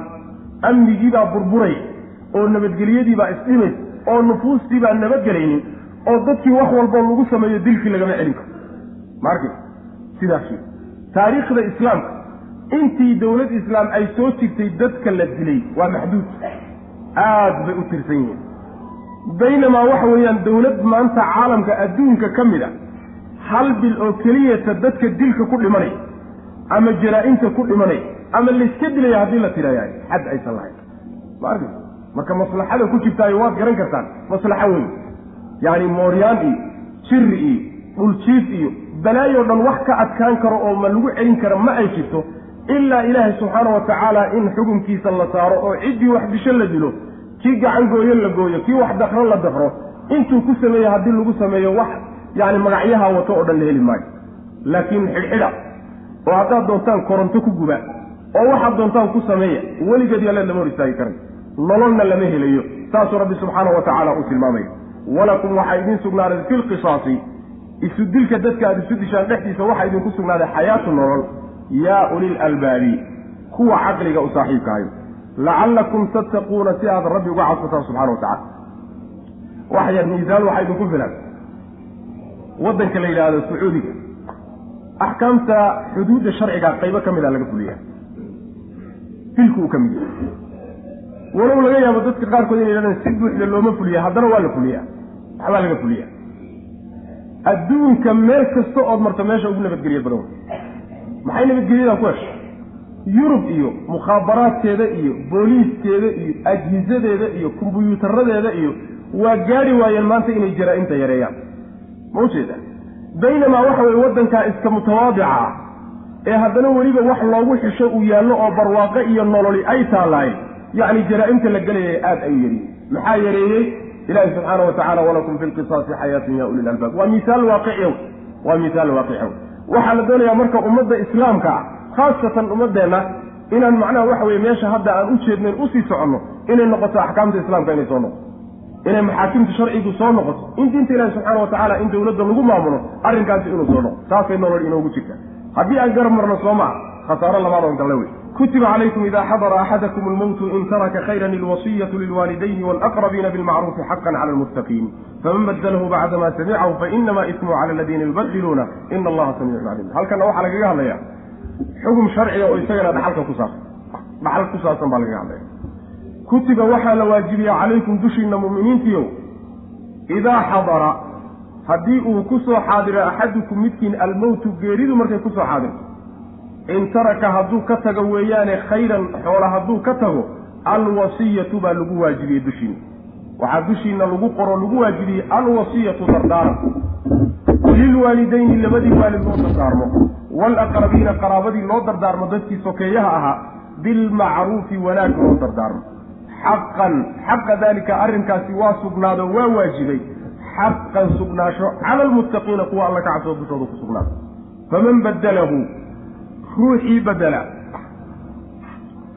ruuxii bedela dardaarankaa bacdamaa samicahu dardaarankaa markuu maqlay kadib. Dardaarankii waalidiinta iyo qaraabada loo dardaarmayey ruuxii geeriyoonayay uu ka tegayey dardaarankaa markuu maqlay ruuxii bedela oo ama wax ka ku siyaadiya ama wax ka dhimaayo fa innamaa ismuhu. Dembigiisa bedeliddaa la bedelay dembigeedu. Cala aladiina kuwii dushooda unbay ahaatay yubadiluunahu bedelay qolada bedelshe wax isdabamarisay unbaa dembi iska leh. Ruuxii geeriyooday asaga waxa weeyaan siduu u niyooday bay wixiisii ugu dhaceen. Ina allaha alla samiicun midkii maqlaya weeye dardaaranka bedelidaad ku samaynaysaana caliimun kii ogsan weeye rabbi subxaanahu wa tacaala. Asagana ajrigiisio kaamila buu siin qolyahanna waa la haystaa.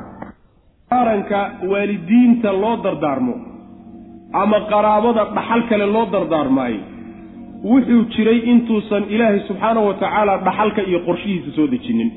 Laakiin markii dhaxalkii la kala qorsheeyey oo ruux walba xaquu lahaa la siiyey aayaddu waa mansuukha wey marka xukunkeeda waxaa ku tusaya oo lagu nasakhay bay leeyihiin aayadda nasakday waxa weye waa aayat lmawaariic aayadda ilaahi subxaana wa tacaala uu dhaxalka kaga hadlay oo inaa imaan doonto insha allahu tacala middaasaa nasakday waxaa kaloo ku tusaya nasakha isaga xadiidka nebiga sal lla alay waslam ee asxaabu sunanku ay wareen waa xadiid isaguna saxiixa wey nebigu wuxuu lehy sal lla alay waslam ina allaha acطaa kula dii xaqin xaqahu falaa wasiyata liwaaris cid xaq lahayd oo dhan ilahay xaqeeda waa siiyey waa u gooyey. Sidaa daraaddeed cid dhaxal leh oo dadka wax dhaxlaya ku jiraay waxba looma dardaarmi karo buu leeyahay nebigu salawatullahi wasalaamu calayh. Marka waalidiintu dadka wax dhexlaya ka mid yihiin qaraabaduna qaar baa wax dhaxlo oo inta wax dhaxasha ku jirta aayadda marka aayaddaa qorshaha macnaha dhaxalka dejisay ayaa nasakday bay mufasiriintu u badan yihiin.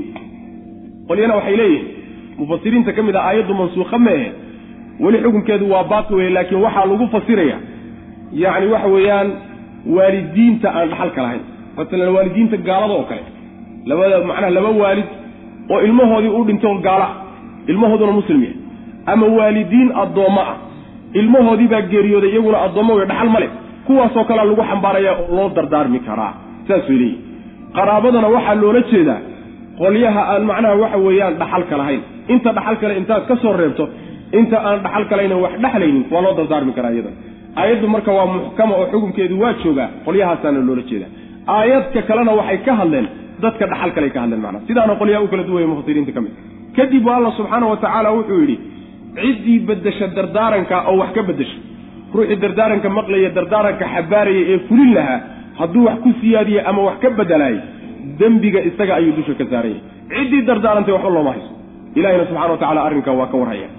Ruuxii hadduu ruuxaasi dardaaranka loo dhiibay ee dardaaranka guddoomay ee fulintiisa laga rabaay haddii uu macnaha ka cabsado kan wax dardaarmayaayo inuu gef galo dembi inuu galo oo dardaarankiisaan diinta waafaqsanayn masalan wuxuu dardaarmay sulus saddex meelood meel wax ka badan buu dardaarmay. Ma ula xaqa isaga. Xoolihiisa sulus buu ku leeyay inuu dardaarmo. Ama wuxuu dardaarmay shay xaaraamuu dardaarmay. Ma u jeedaa wuxuu dardaarmay khamro iyo doofaar iyo ma u jeedaa waxyaalihii muxaramaadkeen soo marnay ayuu u dardaarmay. Ama ribo iyo waxaasuu u dardaarmay. Iyadana waxa weeyaan ruuxii bedelaayey oo markaasi waxa weeyaan arrinkii si sharciga waafaqsan waafajiyahay kaasi wax dembiya ma saarna saasuu rabbi ilahi subxana wa tacala ka dembigu saaran yahay waxa weeye waa midka u bedelay wax sharciga waafaqsan oo dardaarana bedelay wey laakiin waxaan sharciga waafaqsanayn ruuxii dardaaranka intuu dhegaysto markaa kadib sharciga waafajiyahay kaa isaga waxa weeyaan wax dembiya male macana kutiba waxaa la waajibiyay cali dardaaranku marka sidiisaba yani asalkiisi waajib buu ahaa baa la leeyahay laakiin hadda inuu sunno yahay baa macnaha la isku waafaqsanya yani khaasatan ilaa in ruuxa lagu leeyahay dayn lagu leeyahay ama uu hayo ammaano uu hayo mooyaane. Ruuxii dayn lagu leeyahay ama ammaano lagu leeyahay waajib bay ku tahay inuu dardaarmo. Laakiin ruuxii aan waxba lagu lahayn dardaaranku waajibkuma aha saasaa macnaha loo badaya kutiba waxaa la waajibiya calaykum dushiina idaa xadara haddii uu soo xaadiro axadikum axadakum midkiin almowtu geeridaad ay ku soo xadirto alwasiyatu ayaa lagu waajibiyey dardaaran. In taraka hadduu ka tago khayran xoola hadduu ka tago. Lilwaalidayni labadii waalid loo dardaarmo iyo walaqrabiina qaraabadii iyo xigaalka bilmacruufi wanaag loo dardaarmo xaqan macruufkaasi wuxuu noqonayaa cadaalad oo waa inaysan waxaan uu dardaarmayaay ay sharciga waa inay waafaqsanta waa inuusan xadgudub samaynayn xaqan xaqa daalika arrinkaasi waa sugnaaday xaqan sugnaasho cala almuttaqiina kuwa alla ka cabsado dushooda ku sugnaaday faman badalahu ciddii badashaay badalahu damiirku wuxuu u noqonayaa aliisaa dardaarankaa ruuxii badela bacdamaa samicahu markuu maqlay kadib fa inamaa ismuhu bedelkaasi dembigiisu cala aladiina kuwii dushooda buu ahaaday yubadiluunahu bedelay ina allaha alle samiicun midkii maqlo weeye caliimun oo og faman khaafa ruuxii cabsada min muusin mid dardaarmay ruuxii uga cabsada janafan ges iyo leexasho uga cabsada aw isman ama dembi uga cabsada oo fa aslax hagaajiya baynahum dhexdooda hagaajiya oo sharciga waafajiya wey sharciga si waafaqsan macnaha u bedelaay falaa isma wax dembiya caleyhi dushiisa ma ahaanin ina allaha alle kafuurun midkii dembi dhaafo raxiimun oo naxariis yaa ayuha aladiina aamanuu kutiba calaykum asiyaamu kama kutiba cala aladiina min qablikum lacalakum tattaquuna axkaam baan ku dhex jirnaa waxaynu ka soo baxnay qisaasta axkaamteedii waxaa inoogu xigay wasiyadii iyo dardaarankii halkanna waa soomkii wey yaa ayuha aladiina kuwa aamanuu rumeeyeyow kutiba waxaa la waajibiye calaykum dushiinna asiyaamu soom baa laydinku waajibiyey inaad afka xidhataan kamaa kutiba sidii loogu waajibiyey oo kaleeto cala aladiina kuwii min qablikum idinka idinka horreeyey. Sidii kuwii horeba loogu waajibiyey baa idinkana laydinku waajibiyey. Lacallakum tattaquuna alla inaad ka cabsataan. Oo ilaalinta cibaadada aad ilaalisaan aad alla kaga cabsataan. Ama lacallakum tattaquuna inaad dhowrsataan oo cibaadadaa samaynteeda macaasidaad kaga dhowrsataan. Maxaa yeele macaasiday jebisaa. Oy macnaha dumisaa. Ayaaman maalmo ayaa laydinku waajibiyey ama fii ayaamin maalmo dhexdood baa laydinku waajibiyey macduudaatin oo tirsan. Maalmo tirsan oo yar. Waa bil wey. Maalmahaasaa soomka laydinku waajibiyey. Faman kaana ciddii ahaaday minkum xaalu idinka idinka mid yahay mariidan mid xanuunsanay aw calaa safarin ama socod dushii ku sugan oo socoto ah fa ciddatun fa calayhi dushiisa waxaa ahaaday ciddatun tiro oo min ayaama maalmo ka ahaaday ukhara maalmahaasoo kale. Maalmo kale inuu soomo ayaa dushiisa saaran. Wa cala aladiina kuwii dushooda waxa a yudiiquunahu kari kara. Soomka qolyaha awoodi kara waxaa laga doonayaa fidyatun. Furasho ayaa laga doonayaa. Soonkii ay iskaga furtaan dacaamu miskiina. Miskiin quudintii ayaa laga rabaa. Yacni fidyadii baa la sii fasirayaayo. Dacaamu miskiinada macna faman tadawaca ruuxii siyaasada khayran wanaag ruuxii siyaasada fa huwa kaa siyaasigaabaa khayrun lahu u khayr badan oo u wanaagsan. Wa an tasuumuu inaad soontaan baana khayrun lakum idiin wanaagsan. In kuntum haddaad tihin taclamuuna kuwa waxow haddaad wanaagga garanaysaan taasaa idin fiican. Aayadda ilaahi subxaana wa tacaala wuxuu ku tilmaamayaa inuu soonku waajib yahay oo laysku waajibiyey. Waa rukniga afraad ee arkaanulislaam ka mida wey taasina waa bilijmac axaadiista nabigeena salawatullahi wasalaamu caleyh ku soo aroortay. In lagu sii dheeraado macnaha wax weeyaan uma baahna. Waajibintaa soonka laydinku waajibiyey sidii ummadihii horeeta loogu waajibiyey oo kale wey. Oo ummado horaa lagu waajibiyey baa jirta. Yacni tashbiihu wuxuu ka dhacayaa baa la leeyahay dhowr arrimoodba waa suurtagal. In layskaga shabahayo soonkan kadaata laydinku waajibiyey xagga tirada xagga maalmaha iyo xagga sifada labadaba ummadihii hore soonkoodii oo kale wey. oo bisha ramadaan bay soomi jireen markaa noqonaysa ama waxay noqonaysaa waajibinta laydinku waajibiyey iyo waajibintii lagu waajibiyey iyaga ayaa isku mid ahayd. Dhankaana way noqon kartaa waxyaalo kaleetana waa la sheegsheegaya mufasiriintu way sheegayaan tafaasiir kaleeto oo macnaha waju tashbiiha laysaga shabahaya macnaha wax weye labada soon. Markaasaa ilahi subxana wa tacala wuxuu sheegay soonku inuu keeno attaqwa alla ka cabsi alla ka cabsi wuxuu ku keenaa haddaad cibaadadaa ilaahay ilaaliso rabbi waajibkaa uu ku saaray haddaad ilaaliso wuxuu ku dhaxal siinayaa qalbigaaga cabsi rabbi subxaana wa tacaala inay gasho. Ama waxay noqonaysaa wuxuu ku dhaxal siinayaa inaad macaasida iska ilaaliso oo aad ka adkaato. Maxaa yeele nebigu salawatullahi wasalaamu calayhi waa ka odhanaya asawmu junna soonku waa gaashaan oo macaasiduu gaashaan ka yahy xadiid kalena waa ka ku tilmaamaya inuu dhufaan yahay oo macnaha shahwada iyo jacaylka macaasida ayuu ruuxa ka dhufaanaa. Marka waxa weeye lacallakum tattaquuna cani ilmacaasi ama lacallakum tattaquuna allaha bilmuxaafadati cala hadihi alcibaada. Intaba macnaha wax weya laodhan kara maalmo tirsan inay yihiin buu marka alla soonka ku sheegay. Waa maalmo la yaqaano oo bisha ramadaan a macna ciddii marka xanuunsanaysa asalku ruuxii fayow oo haddana deggan oon socoto ku jira waa inuu soomo ruuxu hadduu socoto yahay soonkii bishiina ay soo gashay wuu afuri karaa. Hadduu afurana maalmuhuu afuray maalmalka la mida laga doonayaa inuu dib ka qadeeyo sidoo kaleeto hadduu xanuunsanayo oo xanuun uu dhib ku dhib ku hayo oo uusan la soomi karaynin ama la soomidiisu ay dhibaato fara badan ka soo gaadhayso hadduu hayo cudur noocaasina iyadana wuu iska afuri karaa. Markuu afurana waxaa laga doonayaa inuu dib maalmihii oo kale kala yimaado. Sidaas way macana kadib baa ilaahi subxaana wa tacaala wuxuu sheegay ciddii awoodi karta soonka waxa ay bixin karaan fidya cuntay bixin karaan. Miskiin bay quudin karaan beddelkii ay soomi lahaayeen oo soonkiiba intay iska daayaan isagoo awoodi karo haddana weliba aan socoto ahayn ayuu intuu soonkii iska dhaafo waxoogaa raashina bixin karaa. Masaakiin buu wax siin wa khalaas. Sidaasi waa banaanta aayaddu say sheegayso ruuxii wanaag siyaasada oo wanaag siyaasiyaasi wuxuu noqonayaa ama miskiin buu ka badiyo masaakiin badan buu wax siiyey. Ama ma ahe wuxuu sameeyey soon wuxuu la yimid sunno ah oo kii waajibka aan ahayn. Ama mahe wuxuu isku daray miskiinkiina waa quudiyey waana soomay. Yacni faman tadawaca khayran fa huwa khayru lahu. Sidaasaa macnaha u khayr badan. Kadib buu alla subxaana wa tacaala wuxuu yidhi inaad soontaan baase ka fiican inaad cuntada bixisaan saasaa ka khayr badan haddaad ogtiin aayaddu marka qaybteeda dambe oo macnaha odhanaysa wa cala aladiina yutiiquunahu fidyatun tacaamu miskiin. Yacni cidda awoodi karta soonka intay iska badbaysay raashiin bixin kartaa odhanaysaa qaybtaa iyadaa waa mansuukhaa loo badan yahay. Xukunkeeda waa la nasakhay. Oo waa la bedelay. Maxaa bedelay? Waxaa bedeshay aayadda ka dambaysa shahru ramadaan aladii unzila fiihi alqur'aanu hudan linnaas. Waa ka ilahi subxana wa tacala odhanaya faman shahida minkum shahra falyasumhu. Ninkii bisha soo bisha xaadira oy bishii soo gaadhaay ha soomo. Aayaddaasaa nasakday sidaasi waa sida jumhuur mufasiriin ay marayaan. Qolyo kaleeto waxay leeyihiin aayadda xukunkeedu waa muxkam oo weli baaqi wey oo lama nasakhin waxay ku xambaarayaan oo ay leeyihiin waxaa laga wadaa dadka macduuriinta ah sida odayga weyn iyo islaanta duqda ah. Qolyahaasaa laga wadaa iyo midda macnaha uurka leh iyo midda ilmaha nuujinaysa qolyahaasoo rukso u haysta in iyagoo awoodi kara haddana inay bixiyaan fidyo bixiyaan kuwaasa aayadda laga wadaa.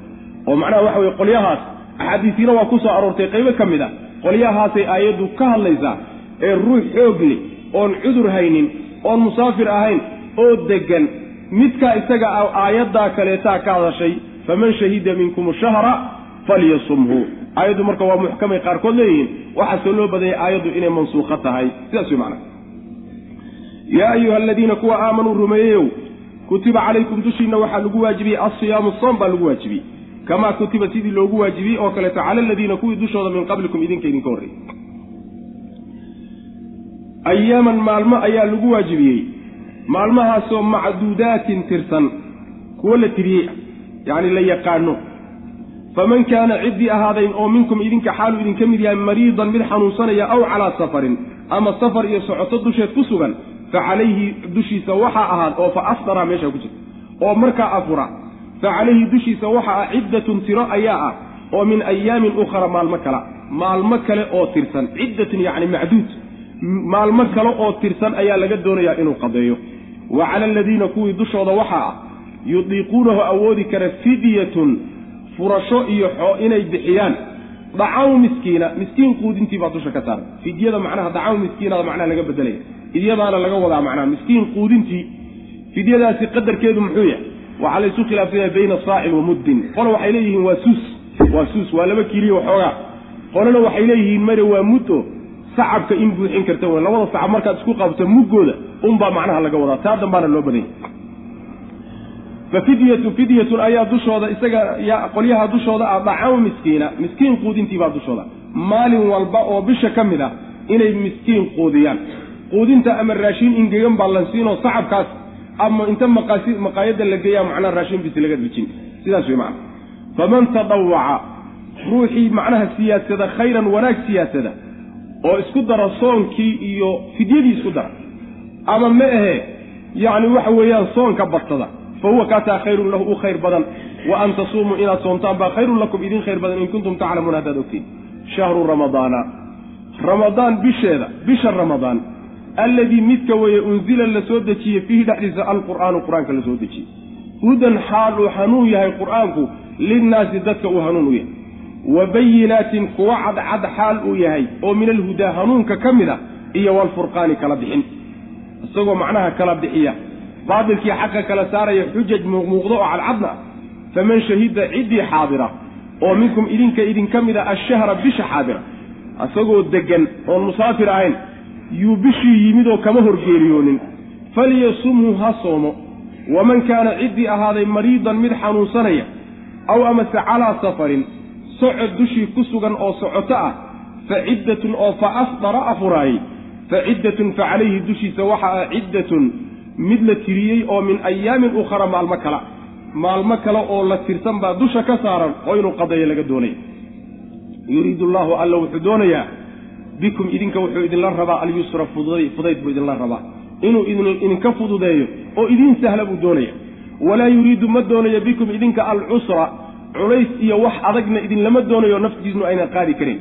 Walitukmiluu wa yuriidu wuxuu doonayaa alla litukmiluu inaad dhammaystirtaan alciddata tirada bisha ramadaan inaad dhammaystirtaan buu idinka rabaa. Wa yuriidu wuxuu doonayaa sidoo kaleeto litukabiruu inaad weynaysaan. Allaha alla inaad weynaysaan. Calaa maa hadaakum waxa uu idinku hanuuniyey inaad rabbi ku weynaysaan. Yacni hanuunkaas uu idiin soo dejiyey ee khayrka faraha badan ee ajriga faraha badan aad ka helaysaan inaad rabbi subxana wa tacala ku weynaysaan. Walacallakum tashkuruuna iyo inaad rabbi ku shukridaan. Yusrigaa iyo fudaydkaa uu idiin jideeyey iyo cusrigaa iyo culayskaa uu idinka idinka fogeeyey taa inaad rabbi subxana wa tacala ugu shukridaan. Bisha ramadaan baa la ammaanaya.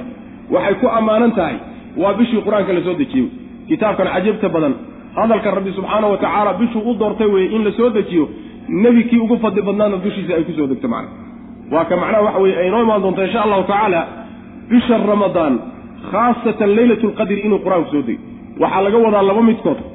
Qur'aanka oo iswata ayaa waxaa loo soo dejiyey leylatu lqadri oo bisha ramadaan ka mid ah samada sokaa la keenay isagoo iswata. Kadib baa marka in yar in yar looga soo qaaday oo nebiga loo soo gaadhsiiyey salawatullahi waslamu caleyh ra'yigaa ibnu cabbaas baa qaba ama meehe waxaa laga wadaa shahru ramadaan aladii unzila fiihi alqur'aan. Waa bishii qur'aanka qaybtii ugu horraysay nebiga lagu soo dejiyey salawatullahi waslamu caleyh oo waxaa bilowday degitaanka qur'aanka bisha ramadaan bilowday. Labadaa macnaba macnaha waad odhan karaysa saasay macnaha bishaas. Qur'aankii baa marka laga shee laga sheekeeyey. Hanuun buu dadka u yahay. Oo waa jidka ridaha ilaahay lagu gaadhayo jannadiisa iyo wanaaggiisa.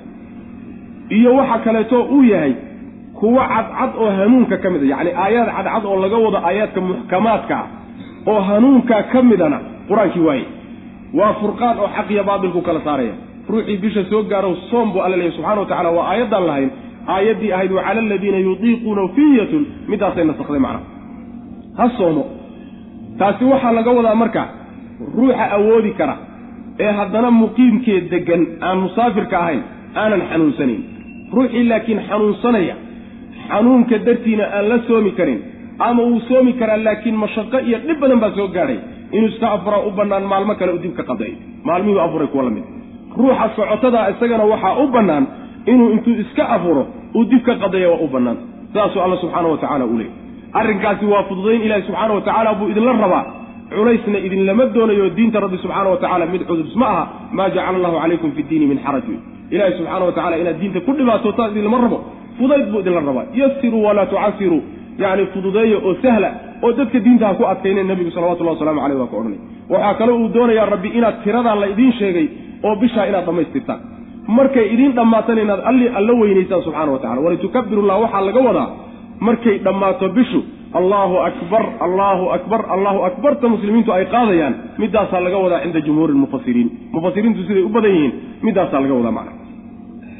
Hanuunkaa ilaahay idin hanuuniyey mahadnaqaad ka mahadnaqaysaan ayaa saa u yeelaysaan macna shahru ramadaana ramadaan bisheeda bisha ramadaan alladii midka weeye unzila la soo dejiyey fiihi dhexdiisa alqur'aanu qur'aankii baa la soo dejiyey hudan xaal uu hanuun yahay linnaasi dadka uu hanuun yahay wa bayinaatin kuwa cadcad xaal uu yahay oo min alhudaa hanuunka ka mid aayaad cadcad oo muxkamaad ah waalfurqaani kala bixin xaqiyo baatilka kala bixiya ka mid. Faman shahida ruuxii xaadira oo minkum idinka idinka mida ashahra bisha falyasumhu ha soomo waman kaana ciddii ahaaday mariidan mid xanuunsanaya aw calaa safarin ama safar dusheeda fa ciddatun oo fa afdara afura fa calayhi dushiisa waxaa ciddatun tiro kuwa la tiriyey oo min ayaamin ukhra maalmo kala yuriidu allaahu alla wuxuu doonay bikum idinka alyusra fuday walaa yuriidu ma doonayo bikum idinka alcusra culays idinla dooni maayo wa yuriidu wuxuu doonay litukmiluu inaad dhammaystirtaan alciddata tiradaa iyada walitukabiruu inaad weynaysaan buu doonaya allaha alla aad weynaysaan calaa maa hadaakum wanaagga uu idinku hanuuniyey inaad ku weynaysaan walacallakum tashkuruuna fududayntaa uu idiin fududeeyena inaad rabbi uga mahadnaqdaan subxaana wa tacala oo shukri u celisaan macnaa marka soonka safar haddaad tahay ma soonkaa fiican mise inaad iska afurtaa fiican yacni waxa weeyaan khilaaf badan baa ku jira waa kuu bannaan tahay almuhim meesha laysla ogolayaa inay kuu bannaan tahay un wey macna safarka ama mashaqo iyo dhib kala gulan ama dhibba kala kulmina diyaarad iyo yani waxa weeyaan waxaa doontaba ku safray. Yani waxa wey waa kuu bannaantay inaad iska afurto dibna aad ka qadayso macna. Inaad soontana waa kuu bannaantay. Waidaa sa'alaka hadday ku weydiiyaan cibaadii addoommadaydu hadday ku weydiiyaan cannii aniga xaggaygabu rabbi leeyahay fa innii anigu qariibun mid dhow ujiibu waan aqbali dacwata daaci midka ibaryaya baryadiisaan aqbalaya.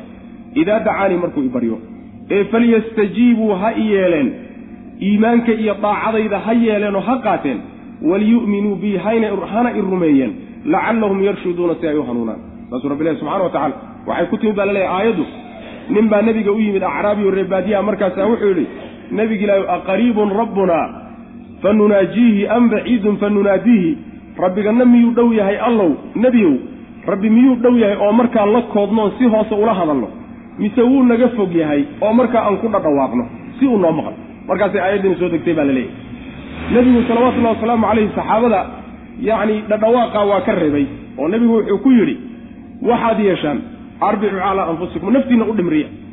Mid dhegala ama idinka fog ma aad u yeedhanaysaane. Allaha subxaana wa tacaala aad u yeedhanaysaan waa mid wax maqla. Mid idinka idinka midana neefka uu saaran yahay ee xoolaha qoortiisaba uga dhowe waxa weeyaan iska daaya budhadhawaaqa faraha badan. Ilaahay subxaana wa tacaala si tartiiboo naftiinna dhimrini ay ku jirto u barya buu nabigu ku yihi salawatullahi waslamu calayh. Marka waxaa laga wadaa qurbigaas dhowaanshaha rabbi waxaa laga wadaa culimmada selafku siday leeyihiin iyo saxaabadu waxaa laga wadaa qurbi gamaciyada la yidhaahdo ilaahay subxaana wa tacaala ducadii buu aqbalayaa oo wuu la jiraa ruuxa isaga ah oo rabbi subxaana wa tacaala wuxuu u aqbalayaa sida isagoo la joogo o kaleeto lagama wado rabbi daatadiisu inay ruuxa la joogto macnahaasi waa macno jahmi iyo mucadilo iyo yani waxa weeye firaq macnaa baatila a baa la yimid macna macnahaasi macno saxa waidaa sa'alaka hadday ku weydiiyaan canii aniga xaggayga cibaadii addoommadaydu waidaa sa'alaka hadday ku weydiiyaan cibaadii addoommadaydu canii xaggayga fa innii anigu qariibun mid dhow baanahay ujiibu waxaan aqbali dacwada daaci midka ibaryaya baryadiisa waan aqbali idaa dacaanii markuu ibaryo ee falyastajiibuu lii ha i yeeleen istijaabadaa waxaa laga wadaa ilaahay i rumeeya buu yidhiya qaata ajiiba. Daacadayda la imaadoo diintayda ku dhaqmu diiniya ajiiba falyastajiibuu lii. Ha qaateen waxa aan faray waxaan ka rabana ha kaadhe waliyu'minuu bii ha i rumeeyeen lacallahum yarshuduuna si ay u hanuunaan. Ilaahay subxaana wa tacaala addoonkiisa hadduu gacmaha u taagto oo uu ilaahayo wax isi yidhaahdo rabbi subxaana wa tacaala waa ka aqbalay. Aqbalkaasi ama adduunkaa loogu soo dadejinoo uu ku arkay haddii uu arki waayo aakharuu u yaallaa oo kayd meesha ugu kaydsan. Ama ma ahee mushkilo ku soo food lahayd oo uusan kari kareen ayaa ilaahay subxaana wa tacala kaga dafcinaya laakiin meel la'aan ma dhacayso. Baryadaadu meel la'aan ma dhacayso. Sidaasi waxay noqonaysaa baryadu marka shuruuddeeda laga helo. Shuruuddeeda waxaa ka mid a ruuxaasi inuusan xaaraam cun ahayn. Hadduu xaaraam cun yahay ducadiisa la aqbali maayo. Cajaa'ibtay leedahay baa ka mid yaa ka mid a macnaha xoolaha la cunayo taasaa macnaha waxa weeyaan ayaa ka mid waxaa ka mid a ruuxa hadduu degdego oo intuu baryo baryo uu yidhaahdo laymama aqbalaya waaban daalayba oo uu iskaba daayaba sidoo kaleeta iyadana waxa weeyaan laga aqbali maayo. Waxaa ka mid a shuruudeeda sidoo kale ruuxu waa inuusan wax ismi iyo dembiya ilaahay weydiisanin. Masalan inuusan ilaah qaraabogoysnimo weydiisanin. Ribo inuu ilaahay siiyo iyo xaaraam waa inuusan weydiisanin. Laga aqbali maayo iyadan. Ictidaa iyo xadgudub waa inuusan ku samaynin. Ducada iyo baryada oo waa inuusan baryin meel uusan lahayn. Ilaahu manaasisha ambiyada igaadhsiy hadduu yidhaah mabelihidba ma u jeedaa ictidaa fi ducaa bay ka mid tahay macna. Shuruuddeeda markay la timaado meel la'aan marna ma dhacayso macna. Uxilla lakum leylata siyaami arafatu ilaa nisaa'ikum. Uxilla waxaa la xalaaleeyey lakum idinka waxaa laydin xalaaleeyey muslimiintiiow leylata asiyaami habeenka soonka waxaa laydin xalaaleeyey alrafatu inaad u galmootaan ilaa nisaa'ikum haweenkiina hunna haweenkii libaasun dhar bay lakum idinka idin yihiin wa antum idinkuna libaasun dhar baad lahunna iyaga u tihin. Calima allaahu alla wuxuu ogaaday annakum idinku kuntum inaad tihiin takhtaanuuna kuwa khayaamaya anfusakum nafafyaalkiin. Inaad meeshii laydiin diray waxoogaa aad naftiinna ka dhuumanaysaan ayuu alla ogaaday. Fataaba markaasuu fududeeyey calaykum dushiinna idinka fududeeyey wa cafaa cankum waana idinka cafiyey wixii horay aad u gasheen. Fal'aana hadda baashiruuhunna haweenkii u galmooda wabtaquu waxaad raadisaan maa kataba allaahu wuxuu alla qadaro idiin qoray lakum idinka idiin qoray. Oo carruurtii ah carruur meeshaa ka raadiya wa kuluu cuna oo washrabuu cabba xataa yatabayana ilaa uu ka caddaado lakum idinka alkhaytu liilankii alabyadu ee caddaa min alkhayti liilanku uu idinka socmo alaswadi ee madoobaa labadii liilanee midna madow yahay midna cad yahay ilaa aad kala garataan oo idin kala caddaadaan. Cuna oo min alfajri khaydkaasoo min alfajri ka mid a macnaha fajriga uma markaa kadib atimuu dhammaystira asiyaama soonka dhammaystira ila alleyli habeenka dambe inta laga gaadhayo afka qabsada. Walaa tubaashiruuhunna haweenkii ha u galmoonina. Walxaal antum idinku caakifuuna aad ku negidihiin filmasaajidi masaajida aad ku negidin idinkoo masaajida ictikaafsan. Haweenkii ha u galmoonina hana ku istimtaacin hataa taabanina. Tilka midaasi xuduudullah. Ilaahay wuxuu xadeeyey weeye. Seerihii ilaahay weye ee falaa taqrabuu ha u dhowaanina kadalika sidaasuu yubayinu llahu alla u caddayn aayaatihi aayaadkiisa linnaasi dadka ugu faahfaahin oo ugu cadcadayn lacallahum yattaquuna say uga cabsadaan rabbi subxana wa tacala aayaddan waxay ku soo degtay baa la leeyahay.